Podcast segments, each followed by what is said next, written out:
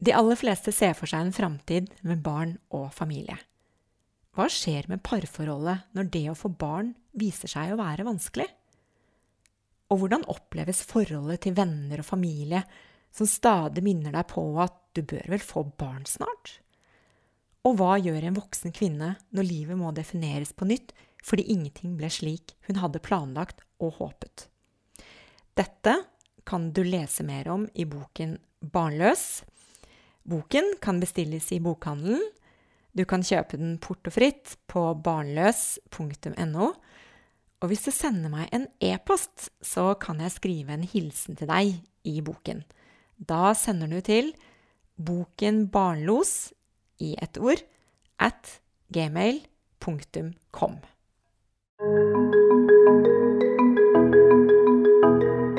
Dette er en podkast om barnløshet. Jeg ønsker å finne svar på hvorfor temaet er så viktig for oss. Jeg vil grave frem fakta på området, og ikke minst dele de viktige historiene bak. Jeg er Cecilie Hoksmark, og mitt mål er større åpenhet. Velkommen til deg, Vibeke Fjell. Tusen takk. Nå sitter vi her på et uh, typisk uh, behandlingsrom, tenker jeg, på din uh, klinikk som ligger på Majorstua, som heter Klinikk Fjell. Og du driver altså med akupunktur og har spesialisert deg på pasienter innenfor fertilitetsbehandling. Og først så har jeg lyst til at du skal dele med oss den bakgrunnen som du har. Ja, det har jeg lyst til. Bakgrunnen min er for så vidt ganske lang. Den eh, er Jeg har ni års utdannelse innen vanlige medisinske fag og eh, akupunktur og homeopati. Eh, og fra at jeg var veldig glad i medisinske fag, så søkte jeg også noe mer forståelse, som jeg følte at jeg får mer i den alternative delen. Og særlig i kinetisk medisin. De har veldig mye forklaring på hvorfor kroppen blir syk på ett punkt, og så skjer det noe annet. Altså, de ser veldig mye sammenhenger, da. Eh, så jeg føler at eh, begge deler så får jeg veldig mye bedre svar, kan du si. Eh, det at jeg kom inn på fertilitet, det var egentlig fordi når jeg var ferdig med homopatistudiet og hadde nok medisinske fag, så kunne jeg begynne med soneterapi. Og når jeg jobbet med, som soneterapeut mens jeg studerte, så var det slik at jeg hadde noen få kvinner som ble gravid eh, ved min behandling. Og når én kvinne blir gravid, så plutselig så blir hun så begeistret at hun da forteller fem venninner eller kolleger at gå dit, så blir du gravid. Og det å få lov å være med og hjelpe en kvinne i denne prosessen, den gjorde noe med meg. Så da når jeg tok eh, akupunktur utdannelsen, så visste jeg veldig tidlig at jeg skulle spesialisere meg innen fertilitet. Da. Eh, og akkurat da jeg var ferdig, i 2000, så var jeg så heldig at jeg fikk lov å ta et internship eh, hos en doktor Sankaran, som er veldig kjent. Han er lege og homeopat, eh, og driver en kvinneklinikk midt i Mumbai. Og der var jeg et år. og det var bare flue på veggen, på en måte, og lærte veldig, veldig mye. Og I India er det veldig spesielt med kvinner, fordi eh, det er klart at landet tyter jo over av mennesker. Eh, de fleste får syv-åtte barn. Mens da de pasientene jeg hadde i India, de var 40 pluss og var akademikere alle sammen og jobbet veldig lenge før de prøvde å få barn. Og følte da veldig på en urettferdighet. Hvorfor får alle andre barn, og ikke jeg? Så det var på en måte starten. Og så dro jeg hjem til Norge og følte at jeg hadde ganske mye erfaring. Og så startet jeg da Klinikk Fjell, som er da spesialisert på fertilitet. Og det vi skal snakke litt mer om, det er eh, disse pasientene som går til deg, og hvilke tanker de har. Og kanskje også litt med utviklingen som har vært med tanke på at vi har hatt IVF-behandling, men nå har vi flere muligheter som gjør at det kanskje er flere eldre pasienter som kommer til deg, og vi har dette med eggdonasjon. Så vi skal på en måte se litt sånn hvem, hvem er disse, og hva slags eh, fellesnevnere er det. Så um, først um, Hvem er det som kommer til deg? For det første er det veldig mange. mange som kommer til meg. Og det er alt fra kvinnen som har stoppet eller sluttet på p-piller for to måneder siden og gjort alt i hele hennes voksne liv for å ikke få barn. Og så når hun da skal prøve å få barn, så det ikke går på et par måneder, så blir hun veldig frustrert og tar kontakt med meg. Og sitter med på en måte veldig mye av de samme tankene som en som kanskje har gått gjennom allerede fire IVF-forsøk og har på en måte en mye lengre historikk. Da. Men det er litt fascinerende å se med en gang en kvinne går fra at man absolutt ikke skal bli gravid, som vi alle kvinner på en måte har lært hjemmefra i ungdomstiden, til at man da skal prøve å få barn, så går det veldig, veldig fort før den utålmodigheten tar tankemønsteret, da. Og nå nevnte du eh, disse kvinnene, men så har du jo også eh, de som går gjennom IVF-behandling. Ja, de har jeg jo aller fleste. Eh, og det er jo alt fra kvinner som er enslige, og par som eh, både prøver noen ganger og blir relativt lett gravid, til de som er stayere, om vi kan kalle det det. De holder på med tre forsøk, gjerne offentlig, og så tar de trepakk ny på privat, og noen ganger så går ikke det. Og så søker de videre, kanskje utlandet, for at da en del av de hvor alderen begynner å bikke, så fra at kanskje før Nå har jeg jo holdt på her i 19 år.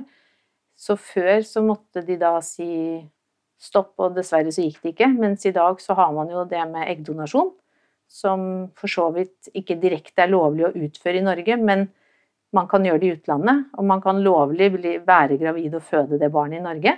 Så det er jo en veldig mye større gruppe jeg har nå de siste årene. Eh, og det gjør jo også at veldig mange flere fortsetter prosessen, da. Fordi at hvis man åpner den døren, så vet man at de aller, aller fleste får til å bli gravid.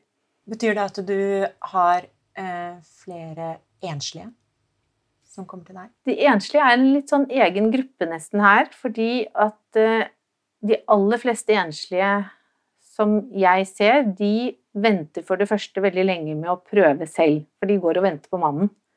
Og alle jeg har her, ønsker jo helst å finne en mann, for så å bli gravid. Men så skjer det et eller annet på et eller annet tidspunkt at man vet jo som kvinne at tiden renner ut. Eh, men mange av de rekker å bli 40, og kanskje mer enn 40, før de da drar alene til Danmark. Og noen av de jeg følger, er jo da heldige å få til å bli gravid med eh, egne egg. Men ganske mange av de, fordi de begynner som pasient, de blir relativt fort veiledet, kanskje da fra en dansk fertilitetsklinikk, om at du må ha eggdonor hvis du skal bli gravid. Og den døren er også ganske mye mer åpnet, slik jeg opplever nå. At kvinnen er mye raskere til å gå videre og ta det steget. Fra at man kanskje tidligere har tenkt at nei, jeg har veldig mange som sier at eggdonasjon er ingenting for meg. Mens eh, jo lenger man går ned den veien med forsøk nok med egne egg, og man har dårligere odds og man blir eldre, så er det mye lettere for kvinnen i dag å si at ok, det blir eggdonasjon. Og de, har jo allerede vært, de som er enslige, er jo allerede inne på donorsæd. Så da har de på en måte åpnet ett vindu, og så plutselig så åpner de begge vinduene. Fordi legene også sier at det er det som er muligheten din. Hva tenker du din rolle er? Håpet. Eh, det er i hvert fall en av de. Altså, jeg må si at jeg elsker jobben min. Eh, og for hver og en kvinne som kommer inn til meg, gjerne med tårer i øynene Det er jo alltid veldig mye tørkepapir på første konsultasjon. Mye gråt. Noen har en veldig lang historie, noen har en kortere historie, men det er alltid en veldig vond historie om at de da håpefullt har prøvd å få barn, og da de jeg ser, har jo ikke gjerne kommet så langt at de har fått barn. Så de åpner på en måte hjertet sitt veldig til meg og forteller noe av det såreste, eller faktisk såreste de har opplevd i livet sitt. Og så kommer de til meg for å få hjelp med den prosessen. Eh, så jeg føler nok på mange måter at jeg representerer et håp for dem, og som jeg sier at jeg vil gjerne hjelpe deg, både med akupunktur, eh, så de får god blodsirkulasjon til livmoren og eggstokker, og gjør at forsøket kanskje blir bedre, men også hjelper de med den psykiske delen, både med akupunktur som hjelper direkte mot angst, det kan hjelpe mot stress. Det er en veldig fin behandlingsform som jeg føler hjelper dem veldig godt. Men selvfølgelig også å være terapeuten deres. Fordi jeg ser så veldig mange kvinner i akkurat samme prosess. Og jeg ser jo en veldig fellesnevner for hver og en som går her, at jeg kan nesten fortelle dem hva, hvordan de føler det når de kommer inn. Fordi at eh, kvinnen som har opplevd det før dem og før dem, har uttrykt det nesten på samme måten. Så på samme måten at jeg er litt fascinert over hvordan en veldig rasjonell kvinne eller en veldig følsom kvinne opplever dette på veldig samme måte. Og det tenkte jeg vi skulle snakke eh, mer om, eh, fordi dette er jo et tema som sjelden blir snakket om og sjelden delt. Mm. Og det er jo interessant når du nå forteller at det er så mange fellesnevnere. Mm. Så er det veldig synd at mm. man ikke deler det. Da ville man funnet mange speil der ute. Mm. Så jeg tenkte eh, at vi skulle eh, Dette med IVF-behandling, hvor vi da både har kvinnen og både mannen, mm. så har jeg veldig lyst til at du skal fortelle hva er det kvinnene snakker om, hennes perspektiv, men mm. også mannens perspektiv. Mm.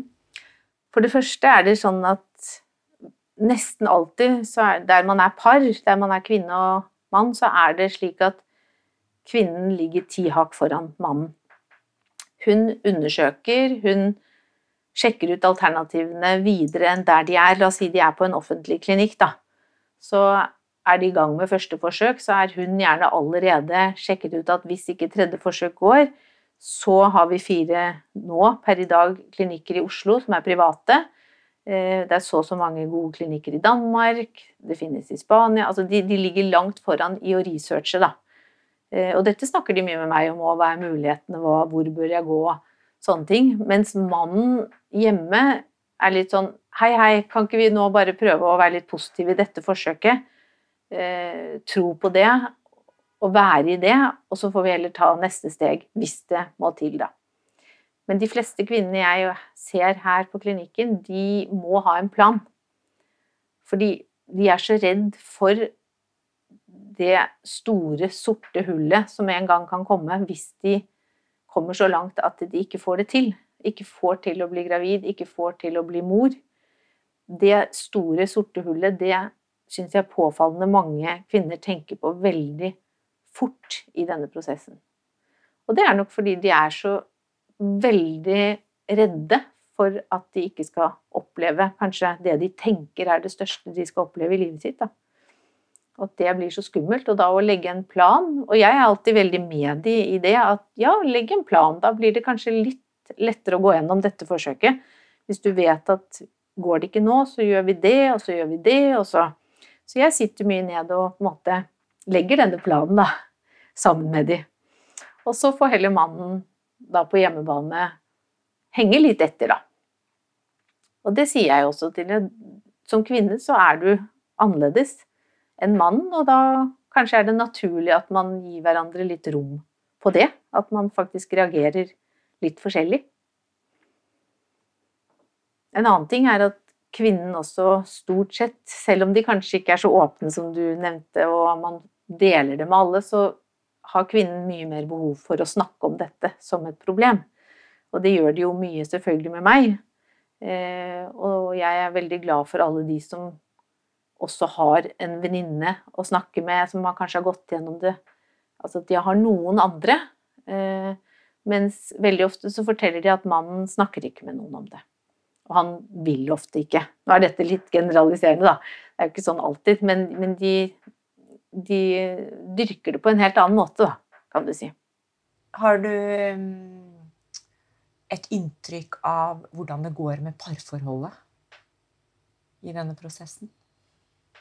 Det er jo en veldig stor utfordring for parforholdet. Det er klart. Det, og du kan tenke deg bare det å ha et vanlig sexliv, hvis man kan si det så ærlig, det er jo nesten umulig etter hvert når man har drevet og prøvet og kvinnen er jo alltid fokus rundt eggløsning, da er det viktig. Og så er det viktig kanskje å spare sæden når det ikke er For det er ting de leser om, ikke sant. Så den delen i samlivet er veldig lett at blir ganske ødelagt relativt fort.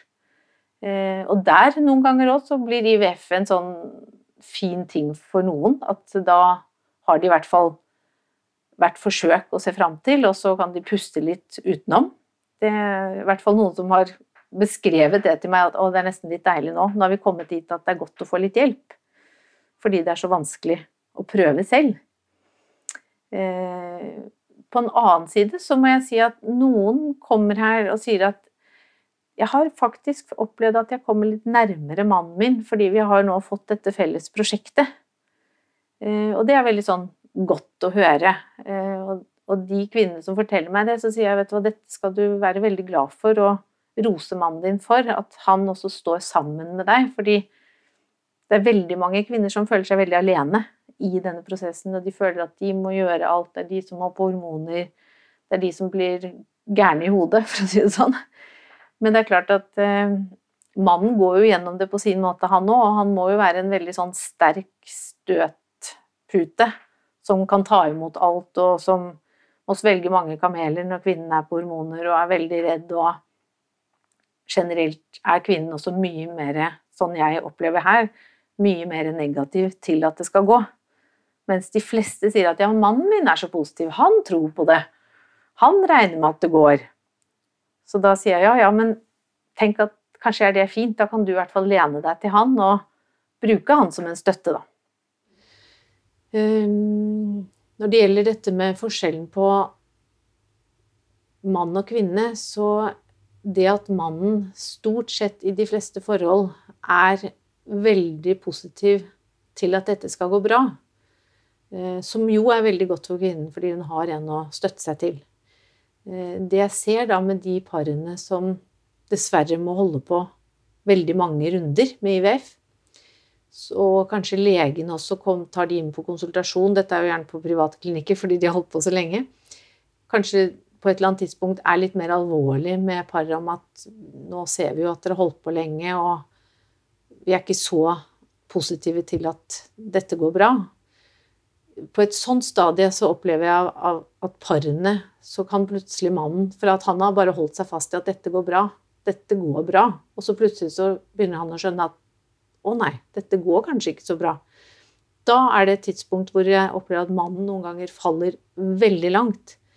Fordi han har ikke da researchet så mye. Han har ikke de vennene som kvinnen har å snakke med. Han har ikke det at han går her, eller altså hos en terapeut ikke sant? og vært forberedt på alt som kan skje, og veien videre.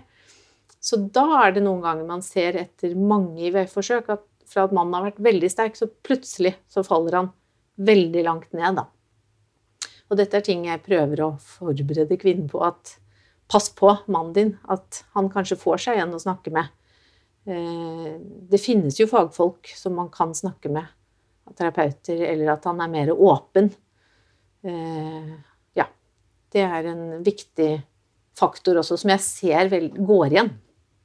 Jeg syns det hadde vært spennende om du hadde delt litt mer rundt dette med muligheten nå for eggdonasjon og muligheten for enslige kvinner eh, og, og um, oppsøke en klinikk som kan uh, gi henne egg.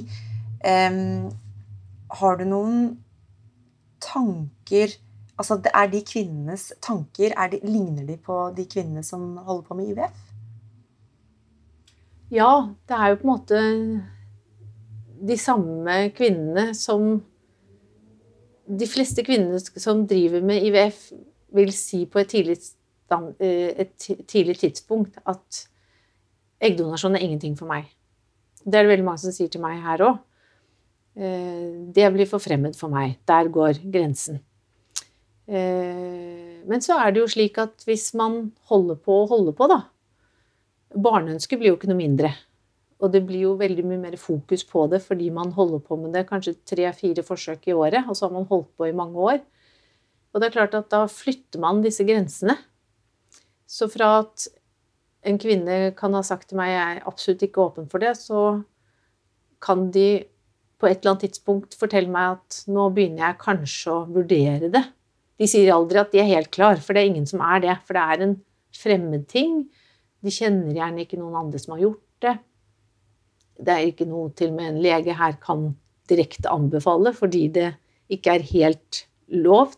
Det er blitt bedre, de tør å snakke mer om det enn før. Men eh, det er klart at eh, nettopp med at tiden går, og det at de har sett kanskje at eggene ikke fungerer til å gi en graviditet eller til å gi et barn, så endres de underveis, da.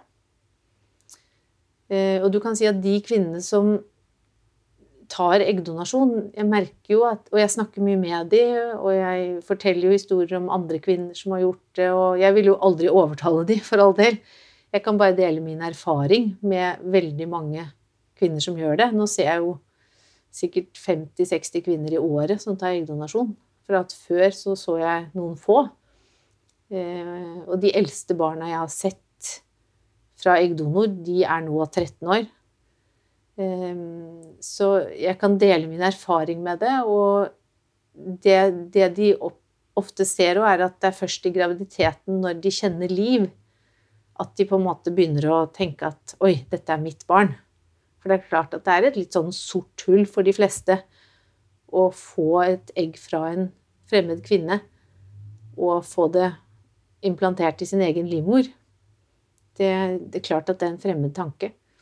Men eh, nettopp i det de kjenner liv, og de vet at her er det jo ingen annen mor, det er en som hjalp med en donasjon, Eh, til at dette faktisk er mitt barn, som er tiltenkt meg fra første stund, så blir det en veldig sånn positiv overraskelse for kvinnen som gjør det, slik jeg opplever det, da.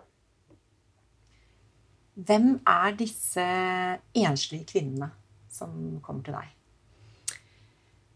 De enslige kvinnene er stort sett veldig oppegående damer som eh, altså gjerne har lang utdannelse, holdt på med mye, ikke hatt tid til å finne mannen, eller ikke hatt lykke med å finne mannen. Eh, men som jeg sa tidligere, de aller fleste av de vil jo helst finne en mann.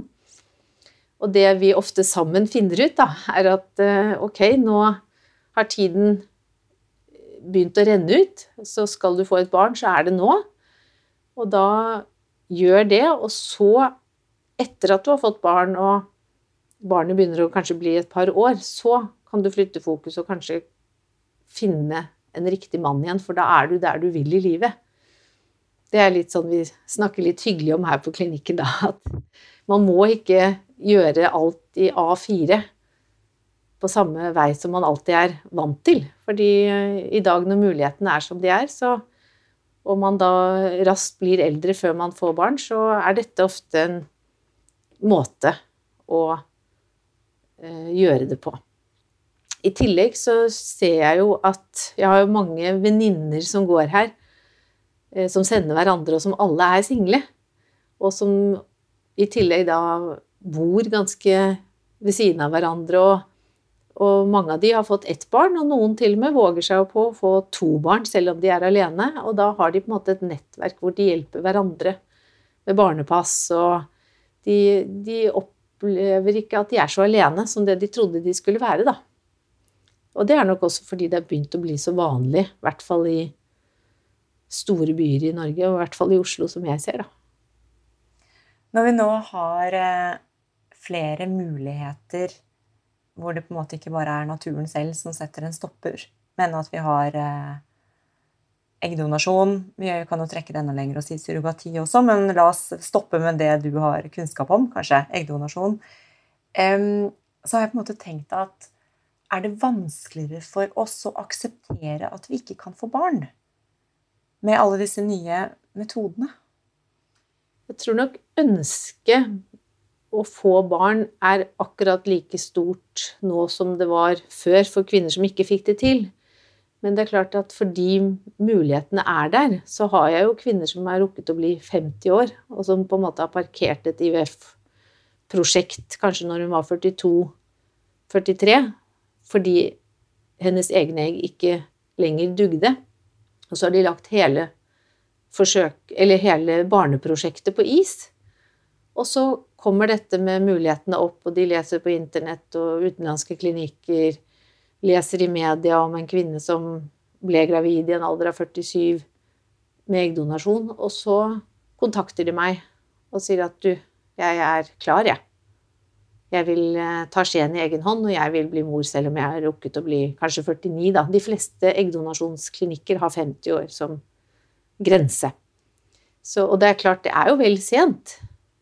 Eh, jeg skal ikke dømme dem og si Det er jo heldigvis legen som må ta forskjellige tester og si at det faktisk er greit at de får barn så sent. Eh, men også fordi at embryoet fra en ung kvinne har man jo statistikk at det er den som avgjør på en måte helsen på barnet. Så det går jo gjerne veldig flott og fint. Og jeg har jo mange her som faktisk er 50 år når de går gravide. Og det er vel sent, absolutt. Men jeg tror det, det med den alderen tror jeg kommer til å gå ned igjen, fordi det er mange som bare lukket den prosessen fordi det var ikke noe snakk om eggdonasjon. Mens i dag så er det mye mer snakk om det. Så er du 42-43 og oppdager at du ikke får det til med egne egg, så går den kvinnen da rett til eggdonasjon med en gang. Eller så gjør man det ikke, på en måte. Man vil ikke da vente i fem år og tenke på det. Tenker du om barnløshet som fortsatt et tema som vi ikke tør å snakke om? Da må jeg si at eh, det er egentlig en veldig gledelig utvikling, det jeg selv ser nå de siste kanskje ett bare til to årene. Og det er jo bl.a. takket være deg som lager podkast. Eh, det at man finner så mye mer om temaet barnløshet, eh, både blant bloggere som deler sin historie personlig, det at dere lager podkaster om det, det normaliserer det veldig. Og før så føler jeg alltid at jeg måtte si litt sånn her i det stille at husk at du er jo blant topp ti eller sånn, ikke sant, av en akademikerkvinne. Det er derfor du ble, eller ikke ble barnløs, men sliter med å få barn, fordi du har lang utdannelse og du har jo på en måte bare vært en flink pike. Mens nå tror jeg folk som prøver å få barn, kjenner igjen litt det. De, de leser om det, de ser hvordan man, man deler det mye mer. Eh, og det er ikke så ille på venteværelset hos meg om noen plutselig treffer sjefen sin, eller slik som det var før. Da var det sånn at eh, vi avtalte at eh, du kommer rett inn på et rom, så du skal slippe å se igjen noen som du kanskje kjenner, og da var det veldig tabu. Mens nå er det i hvert fall på god vei til å bli mer åpenhet rundt det. Det syns jeg var noen fine avsluttende ord. Tusen takk, Vibeke. Tusen takk selv.